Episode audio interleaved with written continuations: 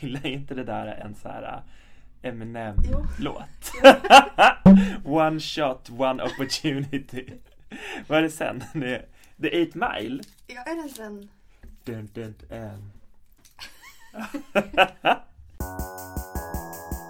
2020, pandemiåret, är många viktiga mötesplatser för queers och hbtqi plus-personer stängda. Pride-paraderna var inställda, klubbarna ekar tomma. Därför vill vi skapa ett digitalt samtal och vara en queer röst i poddrymden. I den här podden kommer vi att presentera, diskutera och dissekera några av de mest spännande böckerna från årets hbtqi plus-utgivning. Vi som är med er på färden är Milla Leskinen, psykolog som knarkar bokcirklar, samt Max Bjuggfeldt, lärare och bögboksnörd. Välkommen till Bögbibblan Podcast, din queera bokkompis.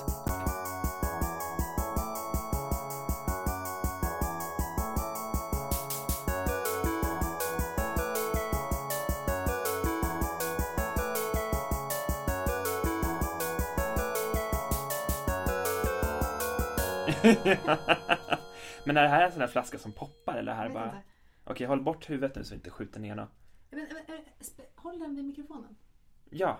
men, ehm, uh, hur gör man? Men den går inte upp. Jag är jätteorolig här nu.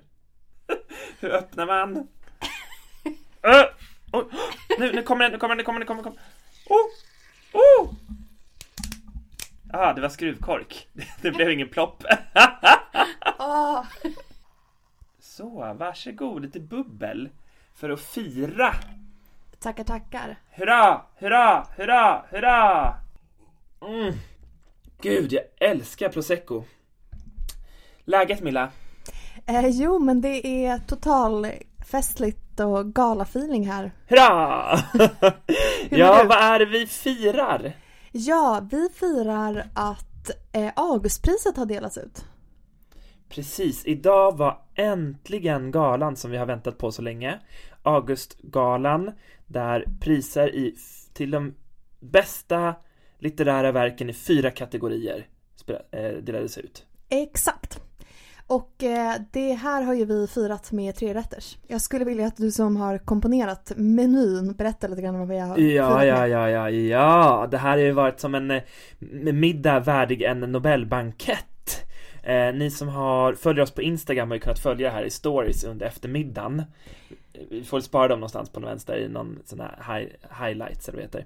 Vi började med en, eh, Helt sjuk snitt. en enkel snitt bestående av fem exklusiva ingredienser. Riskaka. Eller på en tomat och paprika Nej, tomat och morots eh, dekorationer på en bädd av surkål på, på en riskaka. på en soggig riskaka. Ja, det hade ju stått till sig lite innan Milla behagade dyka upp idag. Det var det sjukaste saken jag ätit. Och det var absurt att du kallar den för snitt. och det känns verkligen som en så här psykotisk dröm av en så här Waldorflärare. typ. Jag har också faktiskt varit och inhandlat de här ingredienserna specifikt idag Det är det som är det sjukaste. Att det inte är så här saker som du hade hemma utan att du har gått till ICA för jag tänkte jag ska köpa mig en snaskig snitt. Så, så jag köper lite minimorötter, en tunna surkål och riskakor. Ja, herregud, herregud. Men sen så fortsatte ju den här kulinariska upplevelsen med en huvudrätt som du stod för Milla. Ja, visst, det var eh, pasta med sojafärssås. Det äter ungefär 50% av alla dagar i mitt liv nu för tiden. Och den här sojafärssåsen har vi tillagat tillsammans, eller hur? Ja, exakt. När vi spelat in förra avsnittet. Ja, så den har ju stått och gosat till sig hemma hos dig i en vecka. I min frys. Mm, för er som är oroliga för hygien. Mm. Eh, och nu ska vi börja smaska på den tredje rätten. Vad har vi där? Åh, en dröm! Det är en klassisk prinsessbakelse med skända, flaggan, kuken, eh, flaggor i. Exakt, flaggor så där du har skrivit skända flaggan Ja, och kuken. Precis. exakt. Det är alltså en eh, pastisch, eller en installationspastisch kan man säga på Carl Johan de Geers, eh, de Geers menar jag, ehm, konstverk från 60-talet. Mm. Ska vi se hur den här smakar? Den här pas- pastisch-tårtan. Också från Ica gissar jag. Mm. Typisk marsipantårta.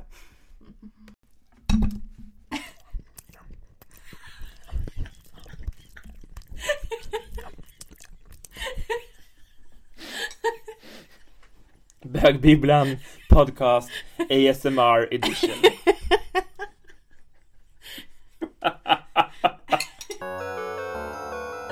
Du är så jävla upptagen med att äta tårta. Ja, eh, precis. Max är upptagen med att äta tårta så jag ska förklara vad det är vi har gjort och varför vi har tjatat så mycket om Augustpriset de senaste veckorna. Och det är för att, Mm. du behöver inte klirra i mikrofonen. Men det är Mm. det för att vi har varit Augustprisambassadörer. Det betyder att vi har bevakat Augustpriset och eh, skapat content för dem helt enkelt. Och vi som är Augustprisambassadörer, vi är ett brokigt gäng eh, personer som är intresserade av litteratur. Framförallt på Instagram men också i bloggar. Och så vi såklart som, som både instagrammar och poddar. Eh, och vi fick i den ärvliga uppgiften att bevaka kategorin svensk skönlitteratur eller bästa skönlitterära bok.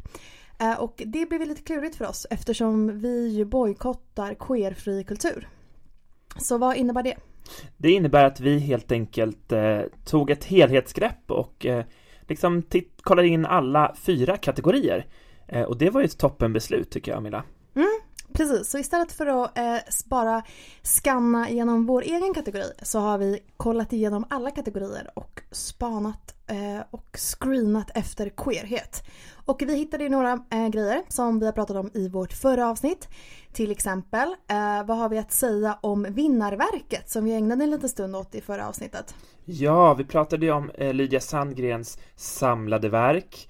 Eh, applåder, fanfarer, bästa svenska skönlitterärbok 2020 blev den utsedd till. Grattis! Och här pratade vi framför allt i förra avsnittet om den eh, queera tystnaden, skulle man kunna säga. Alltså det som inte får ta plats i texten, men där det finns någon slags undertext, kan man säga, av queerhet. Precis, där vi i alla fall starkt läser in ett homoerotiskt begär mellan två av huvudkaraktärerna. Ehm, yes, så det var vinnaren, Lydia Sandgren. Så det var ju kul att det var en bok som vi faktiskt håller på att läsa. Ja, precis. Eh, sen så vet jag ingenting om fackbokskategorin, men den heter Herrarna satte oss hit av Elin Anna Labbas. Jag tror att den ska handla om tvångsförflyttningen av samerna och det låter ju spännande. Ja, eh, det, det här är ju ett liksom stycke av svensk historia eh, som många av oss svenskar inte kanske har tagit tag i. Eh, vi vet väldigt mycket om kolonialismen eh, på andra platser i världen, men inte så mycket om kolonialismen eh, här där vi bor. Eh, så att det här känns ju som en given läsning för min del eh, någon gång när jag har lite lästid över sådär. Eh, och jag liksom såg på Instagram när den här boken när det tillkännagavs att den här boken vann priset, att det var liksom många hurrarop. Det var många som verkligen hade eh, hoppats att den här boken skulle få priset. Mm. Kul att det vann. Eh, sen så i barn och ungdomsbokskategorin så var det en bok som heter Humlan Hanssons hemligheter som vann av Kristina Sigunsdotter och Ester Eriksson. Och den här har inte vi heller läst men jag blev ju såklart nyfiken för det står i nomineringstexten att den handlar om bästis-svek och hästtjejer. Om det finns någon typ av, av liksom grupp som jag är intresserad av att läsa om och alltid har varit och alltid kommer vara så är det ju hästtjejer. Har aldrig varit någon men bara otroligt nyfiken på denna subkultur. Hur kommer det sig? Det är ju jätteintressant. Jag tror det är en sån blandning av så avund, fascination och så här typ, jag vet inte. Liksom var aldrig en sån, ville inte vara en sån. Eh, liksom under uppväxten. Har, har, har inte du någon sån grupp du har liksom speglat dig emot, tagit avstånd ifrån? Eh, jo, säkert. Jag ville säkert också vara en tjej, eh, hästtjej eh, ett tag. Eh, så att det är absolut. Obs, jag tyckte hästtjejer var tråkiga. Okej. Men de var ju snygga. Ah. Jag tänker att hästtjejer, här har vi nu tror jag att eh, hästtjejerna i just den här boken inte är så himla snälla. Eh, men annars tänker jag att stallet som en så här homosocial arena eh, där många eh, homosocial är alltså där många med liknande sociala mönster så Mm. umgås med varandra. Där borde väl finnas lite utrymme för lite queert, Mm. queert, flörtande, eller? Mm. Ja men verkligen och det är ju något liksom lite sexigt med hästar också. Mm. Jag är väldigt glad för att den här boken vann. Dels för att jag tycker att Humlan Hanssons hemligheter är en helt genial eh, titel på en bok. Men sen så tycker jag väldigt mycket om Ester Eriksson också. Mm. Eh, hon, man kan ju följa henne online eller på Instagram till exempel. Men jag har också läst hennes eh, debutbok, eh, album. Eh, det finns ingenstans att fly. Eh, som handlar om en eh, kvinna eh, som genomgår en svår depression, eh, som blir inlagd på psyket eh, och vad hon är med om så. Eh, och verkligen ett, en varm, varm rekommendation att läsa den. Mm. Kul. Eh, och varning då, inget queert element. Just det, det tack. Eh, vi måste komma ihåg våra varningstexter där. Sen så har vi ju eh, vinnaren för eh, Lilla Augustpriset som är ett novellpris som delas ut till ungdomar mellan 16 och 20. Då är det en ungdom som vinner 15 000 kronor. Och där är det faktiskt det enda queera verket, någonting som vi också har läst och skrivit om på Instagram. Offret av Nanna Mikkelsen som vann. Så det var ju ändå härligt tyckte jag att det enda verket med liksom helt tydligt queert, liksom, uh, tydligt queer utgångspunkt och handling faktiskt vann. Mm, absolut. Eh, Nanna eh, Mikkelsen nominerades också förra året och hon var inte den enda som var nominerad till Lilla Augustpriset i år som var nominerad för andra gången. Intressant. Ja. Det, det är verkligen intressant eh, att det är två av fem eller sex som är nominerade som är det för andra året i rad. Det är också intressant tycker jag att jag tror att det bara är tjejer som är nominerade också för andra året i rad. Är det bara de som har liksom skickat in grejer? Eller är det bara att de är liksom objektivt bäst i Sverige? Eller är det en komplott? ja, precis. Det visade sig också att eh, programledarens dotter var en av de nominerade i år. Nu tror jag inte att det är en komplott, men det är intressant oh, oh. Det här blir ett spin-off avsnitt på ja. Precis. Ytterligare ett mysterium i ja. Augustpriset som vi måste läsa. Mm. Men det jag tänkt på lite apropå eh, Lilla Augustpriset eh, är att eh, det är ju bara noveller som kan bli nominerade till Lilla Augustpriset. Eh, och eh, novellgenren är ju kanske den som man kan utsättas för eller bli tvingad till att skriva i skolan så. Så på ett sätt så är det ju någonting som många har gjort, till skillnad mot att skriva en roman som de flesta kanske inte har gjort i sina liv. Eh, men det är ändå intressant för att eh, novellen är ju inte nödvändigtvis jättelätt att skriva. Eller vad tänker du på Milla? Nej, exakt. Och det är ju inte så många eh, novellsamlingar, eller det är inte så många författare som vinner på noveller helt enkelt. Vi hade ju en novellsamling av Annika Norlin men annars är det ju ofta fullängdsromaner som vinner. Mm. Eller poesi går ju, har också gått bra några år. Just Diktverk. Mm. Och därmed också kunna tänka sig att eh, Lilla Augustpriset skulle kunna delas ut till ett, en, en dikt eller till något poetiskt. Mm. Max, eh, du som älskar listor, eh, som vi alla vet. Eh, kan inte du berätta hur är egentligen det här med Augustpriset går till? Ja men så gärna, jag älskar ju galor, pris, jag älskar listor och har koll på regler, så absolut, det här har jag kollat upp. Eh, och det första steget är ju att eh, förlaget anmäler de böcker som förlaget vill ska vara med och tävla om priset ett visst år. Eh, det gör de genom att skicka in fem exemplar av boken eh, och betala en anmälningsavgift på 1100 kronor. Just ja, precis. Per verk. Per verk, så det är inte gratis. Eh, när de har gjort det, eller löpande, där kan man göra löpande för det är liksom från oktober till oktober som Augustprisåret går. Eh, så eh, får juryn ta del av verken. De läser alla verk som skickas in. Precis, och vilka är det som är i juryn? Ja, de juryn utses av Svenska förläggarföreningen. Eh, man kan väl anta att det är en samling väldigt pålästa personer. Eh, de är en fyra, fem stycken tror jag per kategori. Eh, och under året så sorterar de, singlar de fram liksom den, de sex böcker som de vill nominera, eller sex verk som de vill nominera i, i respektive kategori. Eh, och de här nomineringarna tillkännages ju i oktober vid nomineringsevenemanget. Eh, och då är det juryn som har skrivit motiveringarna för respektive bok. Där är juryns jobb slut. Just det. Och då tar elektorerna vid. Precis, och det här är lätt att blanda ihop med det amerikanska presidentvalet. Eh, elektorerna tar vid, de läser de sex nominerade böckerna i sin kategori. Det är 21 elektorer per, per kategori. En tredjedel representerar boklådor eller bokhandlare. En tredjedel bibliotekarier och en tredjedel representerar kritiker. Så det är väl sju av varje då. Jag tror till exempel att Svensk biblioteksförening utser bibliotekarierna. Just det. och det är de som då väljer vilken bok som ska vinna i varje kategori. Precis, och de avlägger då röster i en sluten omröstning. Eh, och som vi har ju googlat och vi hittade ju en eh, tidigare elektor som hade skrivit hur han hade röstat. Och då såg det ut som att han hade rangordnat de sex nominerade böckerna. Så på något vis måste det spela en roll i eh, att, att man liksom, någon poängsättning utifrån det kan man anta. Just det. Men det vi inte har lyckats hitta det är ju egentligen något svar på hur väljer de? Eller hur, vad, vad, vad är det de ska välja egentligen? Det är årets bästa bok. Ja, precis. Årets bästa bok i respektive kategori.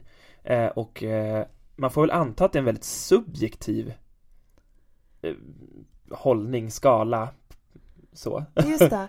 Precis, för att jag, ju mer jag tänkt på det här så blir det liksom svårare och svårare att förstå vad, vad, vad är det de egentligen ska rösta på. Här, det här är den boken jag gillade bäst. Eller? Eller vad, vad är det för parametrar de mm. utgår ifrån när de ska välja?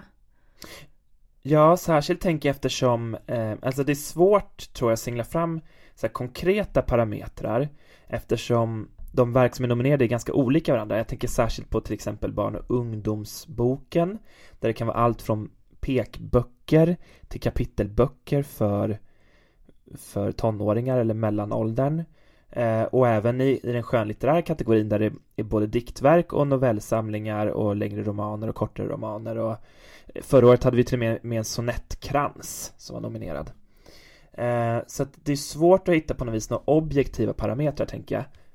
Men man kan väl ändå fundera på kanske om det finns några mer sådana abstrakta eh, kriterier som typ att det säger någonting om tiden eller att formen är nyskapande eller något sånt. Just det, precis. För det som är viktigt att komma ihåg här är att det här är ju inte liksom författaren som får ett pris för sin livsgärning som vi pratade om i första Augustprisavsnittet. Som i till exempel fallet med Nobelpriset. Utan det här handlar ju om att det är själva verket eller boken som då är det bästa i sin kategori detta år. Och det spelar ingen roll vad den här författaren har gjort innan eller kommer göra efter. Mm. Ja. Eh, nu var det samlade verk som vann i år. Den har ju på något vis, om man skulle tänka sig årets bok, så skulle man ju absolut kunna hålla med om att det är årets bok, för det är i alla fall den mest omtalade svenska boken, definitivt till nominerade, men kanske överhuvudtaget faktiskt. Mm. Den har ju också sålt extremt bra hittills. Precis, den har ju redan tryckts i fyra upplagor. Och det är ju helt otroligt för ett debutverk om 700 sidor. Mm. Exakt. Mm. Så, vad, liksom, så det är ju redan en försäljningssuccé. Å andra sidan, förra året så var det Osebol som vann, Marit Kaplas diktverk om sin hembygd där det nu lever, om det var 46 personer eller någonting och alla de har fått vara, alla deras röster finns med i den här boken. Det är ju inte en klassisk storsäljare. Mm. Och året innan var det Ednan av Lina Axelsson va? Som också var ett ganska smalt verk. Mm. Eller väldigt tjockt rent fysiskt men idémässigt. Men precis, det är inte bara försäljningssuccéer som vinner. Mm. Men jag bara undrar liksom, tar man hänsyn till det? Eller för på ett sätt tänker jag att så här, ah, det kommer gå jättebra för Lydia Sandgren ändå. Hade det inte varit bättre om någon liksom lite smalare författare som har det lite kämpigt med försäljningen hade vunnit? Men det kanske man inte ska ta hänsyn till om man är elektor. Mm, mm. Det jag tänker på är att, att, att förra årets vinnare Osebol, den på något vis säger ju någonting om vår tid. Eh, det här med liksom avfolkningen av stora delar av Sverige. Eh, och det är ju på något vis verkligen en representant för det som sker i vår tid. Ednan som fick priset året innan handlar ju om två samiska familjer. Jag tänker också på då eh, exempelvis sameblod och andra representationer av samiskt liv, att det är också något som ligger i vår tid. Eh, och då tänker jag att finns det någonting, exempelvis samlade verk som också ligger i vår tid när det kommer till eh, föräldraskap eller familjebildning eller kärlek eller könsroller så, möjligtvis. Just det. Eller är det bara en, för vi håller på att läsa den nu båda två. Eh, och den är ju, den beskrivs ju som en kärleksförklaring till litteraturen. Så är det bara att människor som gillar litteratur kommer gilla den här boken för att den är en kärleksförklaring till litteraturen. Mm. För det man ändå kan säga, tycker jag, hittills om eh, samlade verk är att den är inte så nyskapande i sin form. Nej precis, det känns ju som en väldigt klassisk eh, liksom, romankonstruktion. Mm. Eh, ja, det här vore ju liksom intressant att fundera vidare på vad det är som är de här kriterierna. Vad, vad, om du liksom Milla skulle vara en sån här elektor, skulle du, vad skulle du tänka var det viktigaste som du skulle titta efter? Um, ja, jag tänker att ehm, eh, jag har ju varit med i en jury en gång eh, som jag berättade om i vår allra, eh, vårt allra, allra första avsnitt av eh, Bögbibblan podcast. Jag var med i Sveriges Radios romanprisjury 2011 och det är en jury som består av läsare. Då var det liksom att man fick liksom skicka in ansökningsbrev och så blev man uttagen. Och nu tror jag faktiskt att det är lite annorlunda. Att det är liksom befintliga bokklubbar, heter det? Bokcirklar. Som är, som är de här jurysarna. Eh, och det har överhuvudtaget blivit lite mindre festligt sen jag var med, har jag förstått. Men i alla fall, då valde jag ett verk som jag själv liksom var mest drabbad av under läsningen. Men jag tänkte liksom inte så mycket på så här, är det här en författare jag vill prisa? Eller är det här ett verk som jag vill ska gå till historien? Typ. Utan det var mer så väldigt liksom subjektivt och så här, utgick från min läsupplevelse. Men då var jag också 23. Uh, eh, så jag tänker att jag kanske har ändrat mig lite. Jag vet inte om jag skulle tänka annorlunda nu. Men kanske tänka liksom mer så här. Eh, vad är det för berättelser jag vill ska gå till framtiden? Lite som du var inne på. Är det här en bild av vår samtid som jag vill ska finnas med i olika Wikipedia-listor? Eh, om du vet, 30 år. Eh, för, för de här uh, böckerna som vinner, de kommer ju alltid finnas med på någon lista. Uh, och de kommer alltid sälja bättre än de böckerna som inte vann. Så jag tror att jag skulle kanske känna att, liksom, att jag har liksom lite större ansvar på något sätt. Att, så här, äh, att det ska vara ett verk som är en värdig vinnare och inte bara utifrån läsupplevelse. Mm, intressant. Jag har verkligen aldrig tänkt på det här. Förrän vi började prata nu. Det märks att du inte varit med i någon bokjury. Nej, men jag skulle älska att vara med i diverse jurys och tycka till. Vad skulle du gå på då för parametrar? Um, ja, spontant så tänker jag bara på läsupplevelsen. Um,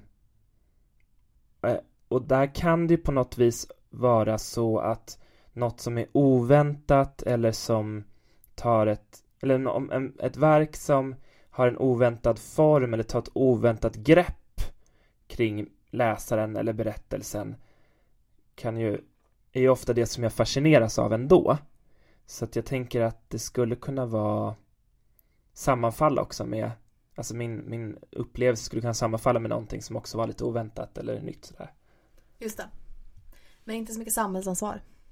Eh, jag tror inte det. Fast jag tror också att jag skulle ha svårt att engageras av ett verk som jag uppfattar som eh, omoraliskt. Mm, just det. Det finns ju många omoraliska verk bland de nominerade, får vi anta. eh, ja, det skulle vara klurigt för oss att vara med eh, helt enkelt. Så det är mm. tips till er i August förläggarföreningen. Fråga inte oss för vi kan ju inte läsa homofri litteratur. Just ja. Det kanske vore bra för Augustpris för sig. Just det. Men du, eh, det här med att en... Eh, vi har ju läst om att det är ett sånt jäkla klipp för författaren att vinna det här. Eh, P.O. Enquist sa i någon gammal artikel att det blir miljonvinst för vinnarna. Och någonstans läste vi också att det förväntas en tiodubblad försäljning för vinnaren.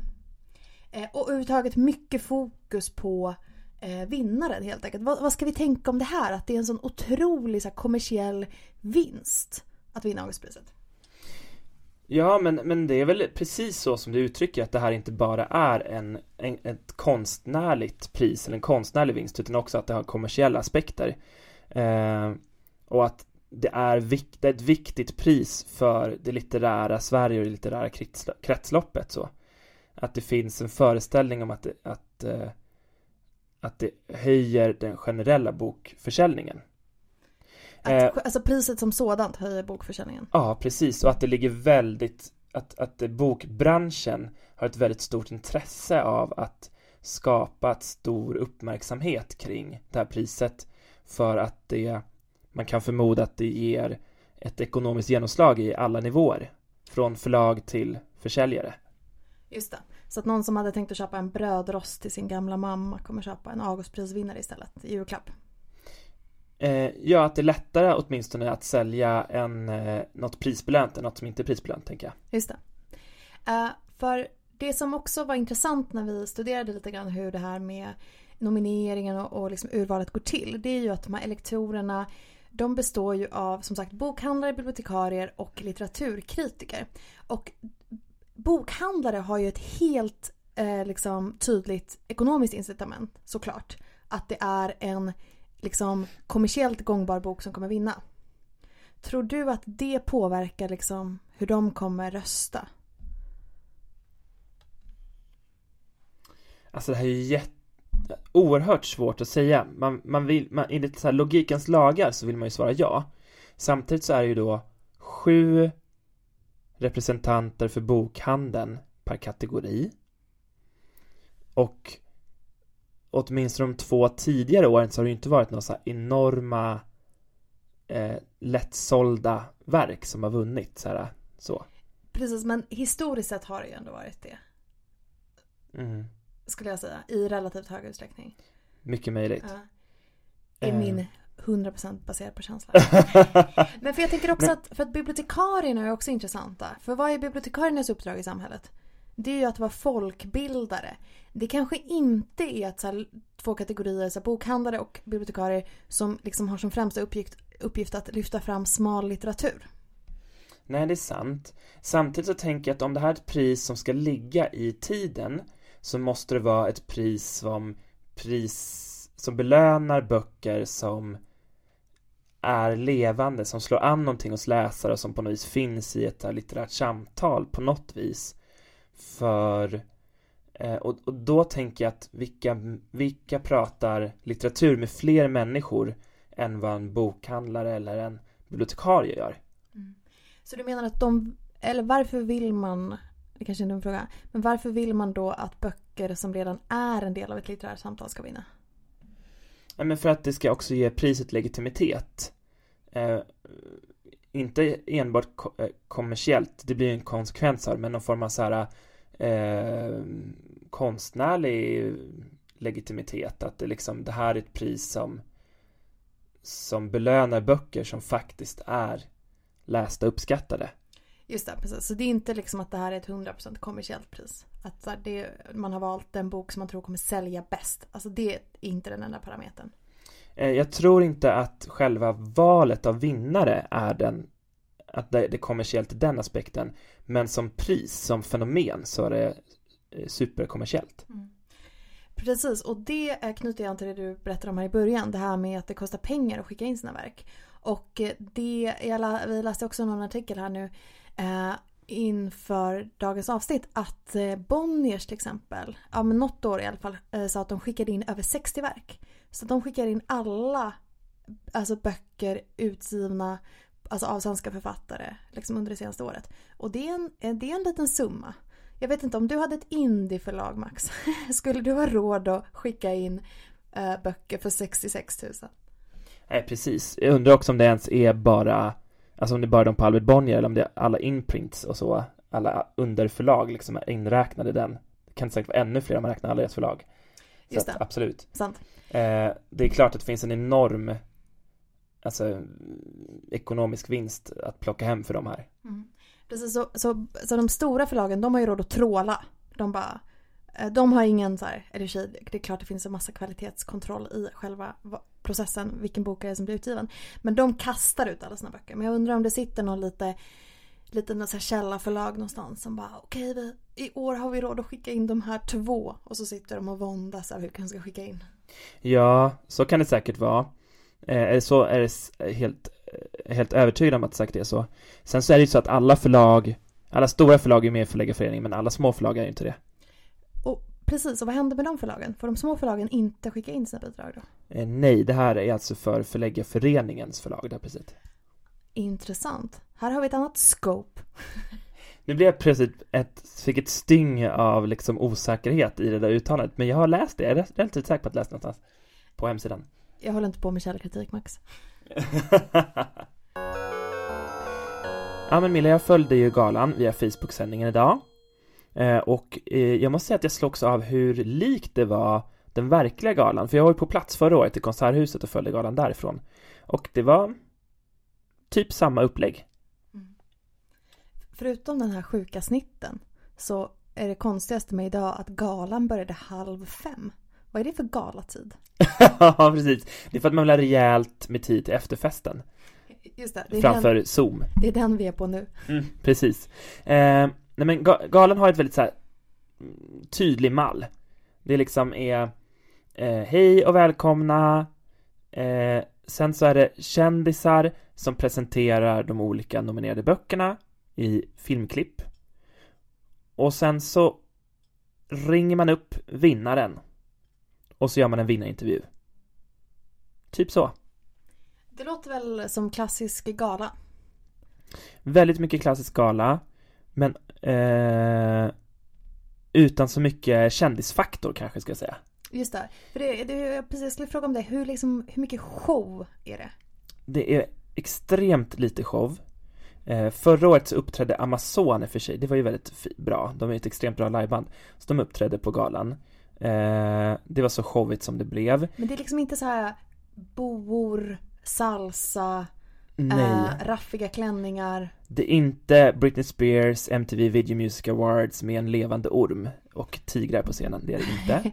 Okej. Eh, det som också är lite så här de här det här kändisskapet känns kanske som kändisar inom sin bransch. Okej, så det är typ förläggarkändisar kanske? Ja men det känns lite som en branschfest snarare än gala för allmänheten skulle jag säga. Visst det. Men det kanske är det det är egentligen. Det är kanske det det är, absolut. Jag tycker också att eh, ja men det är ju inte liksom riktigt en sån en produktion som skulle platsa på tv. Visst det. Utan det är, det är ganska, det är ganska lågmält och eh, jag säger så här lågbudget men inte på ett elakt sätt. Alltså inte som att det känns så billigt utan mer som att så här, det, man, det är inte en så stor lyxig produktion och det är väl lite det som kanske krävs för tv tänker jag. Mm, just det. Men vem tror du ska kolla på Augustprisgalan? Eller vem, vem är den för? Vem är den tilltänkta publiken? Det tycker jag är en väldigt bra fråga. Eh, för jag kan inte riktigt komma underfund med det. Eh, en del tror jag är branschen. Alltså det är en gala för branschen själv så liksom. En del tror jag att man ska vända sig till en bokintresserad allmänhet. Eh, men jag får känslan av att man siktar på typ ett eh, lite äldre segment. Vi, vi som är så kring 30, du och jag Milla, vi är nog i den yngre delen av det segmentet eller kanske un under målgruppen liksom, i ålder.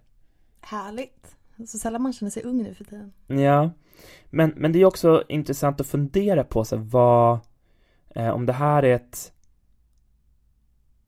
om man tänker på målgruppen för priset och sen tänker man på de nominerade verken och vinnarna, är det så att någon i den här målgruppen upptäcker någonting nytt?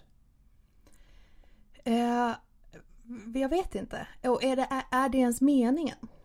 Ja, bra fråga. Är det ens meningen? Eh, jag föreställer mig att eh, de som intresserar sig av Augustpriset redan har läst ganska mycket och är intresserade av litteratur i allmänhet. Kanske till och med har läst några av de nominerade eller bekanta med dem sedan tidigare som författare och att eh, det på så vis inte kanske öppnar upp eh, litteraturen för nya grupper i samhället. Intressant. För jag, jag tänker lite tvärtom. Jag tänker att Augustpriset eh, till stor del är till för de som inte läser så mycket litteratur. Att det blir som liksom en kvalitetsstämpel på någon som typ gillar litteratur lite grann. Men som inte orkar hänga med i liksom ja men du vet, DNs och Svenskans kultursidor och som liksom inte mäktar med att läsa liksom allt som ges ut per år. Men då kan man, om man ändå är en person som tänker så här, men jag gillar böcker, då kan man läsa Augustprisvinnare och känna att man har läst god litteratur och så kan man ge lite Augustpris liksom vinnare i julklapp och så känner man att man har gett en bra julklapp. Så, så jag tror snarare att det är ett pris för de som typ gillar litteratur men som inte ägnar sig så mycket åt litteratur. Ja, intressant. Mm, kanske. Vad heter det, vad tror du om prisets framtid då? Det här är ett pris som alltså eh, utses av en grupp elektorer, bortsett från Lilla Augustpriset, det röstar sig fram av publiken. Eh, som inte har ett enormt genomslag i media, men som ändå påverkar bokförsäljningen väldigt mycket. Vad tror du, hur, hur tror du liksom att formerna kommer se likadana ut i framtiden? Eh, ja, precis för att man kan ju tänka sig många olika sätt att eh, liksom eh, kovra en, heter det, en vinnare? Kora. Kora en vinnare. Eh, att ett är ju då genom det här systemet som är nu med de här elektor elektorerna. Uh, och sen ett annat system skulle kunna vara genom en så här, ja men typ publik, så lite som Lilla Augustpriset. Att det är allmänheten som röstar. Eller så har man en jury. Alla typ Nordiska rådet Eh, Eh, Nobelpriset och så vidare. Och jag tänker att alla de här har liksom lite olika för och nackdelar. Um, men jag kan liksom inte riktigt svara på vad som, om vi tänker på, eller vad är, vad är det Augustpriset vill? Jo men de vill väl fortsätta vara relevanta i framtiden. Och då kanske det här liksom kombon av kommersiellt och konstnärligt är bra. Och då kanske det här är ett bra system för att liksom fortsätta med det. Ja, jag tror faktiskt att du har helt rätt. Jag tror att det här är eh, det, det, det är känslan av att det in, eller att publiken inte röstar. Det är en känsla av liksom att det är någon slags liksom, det är legitimitet till priset som en sån kvalitetsmärkning och som ja, men att det verkligen är det bästa som belönas och prisas. Eh, däremot så tror jag liksom i typ eh, marknadsföringen av priset eh, så eh, att så här, om man vill engagera fler, att fler ska ta del av den här galan och se det här och liksom uppleva sig som en del av priset så tror jag att man skulle behöva liksom eh, se över det lite sådär. För man tänker som vi som Augustambassadörer, vi är en ganska homogen grupp på Instagram och jag tror att vi delar typ samma tusen följare, många av oss. De enda tusen i Sverige som är intresserade av litteratur. men typ. Precis, för jag tänker att, apropå det här med olika sätt att, att liksom kora en vinnare då. För att eh, liksom ba, bara ha en, en, nu, nu liksom tänker jag mig när jag pratar, men att bara ha eh, en jury eh, som kanske är så här proffslitteraturmänniskor, typ kanske olika så forskare eller författare eller så. Det kanske skulle göra att de tappar tappade lite den här äh, liksom det kommersiellt gångbara eller liksom känslan för vad som ändå kommer vara en bok som säljer. Att det kanske skulle bli kanske ett finare pris men kanske tappa det här lite mer folkliga som ändå finns. Vad tror, eller vad tror du om det? Ehm, jag, jag, tror att du är helt rätt ute så. Eh, och på något vis så kan jag tänka mig att så här, äh, den som går och köper en bok som har stämpeln Augustprisvinnare också kan tänka sig att läsa den. Den som går och köper en bok som har stämpeln Nobelprisvinnare kanske bara gör det som för att det är lite kul, men inte riktigt på riktigt räknar med att läsa den. Och det har ju att göra med hur man uppfattar prisen och hur de utses, att Augustpriset kan liksom vara någonting som, som de flesta kan läsa sådär, medan Nobelpriset eh, känns mer avlägset och att det liksom finns ett större avstånd mellan Svenska akademin som så här hög, lite högintellektuella eh, och liksom folket så. Ja du Milla, nu är vi klar med årets Augustprissäsong.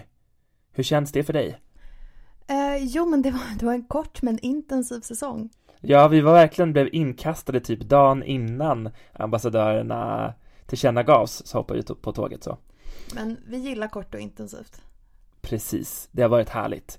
Eh, och nu ska vi liksom tillbaka till de vanliga hjulspåren.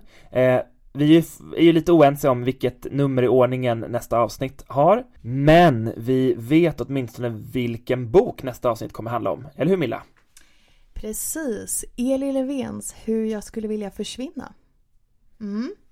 Och eh, att snacka om den ser vi mycket fram emot. Jag har ju redan korat den till snyggaste bokomslaget i år. Just det, eh, som din enmannajury. Ja, precis. som du är. Bara för att du ska få lista dem sen. Exakt. Eh, så snabbläs den till nästa vecka så kommer ni få höra oss snacka om Berlin igen och New York och vad som händer huvudpersonen Robin. Just det. Välkomna då. Hej då!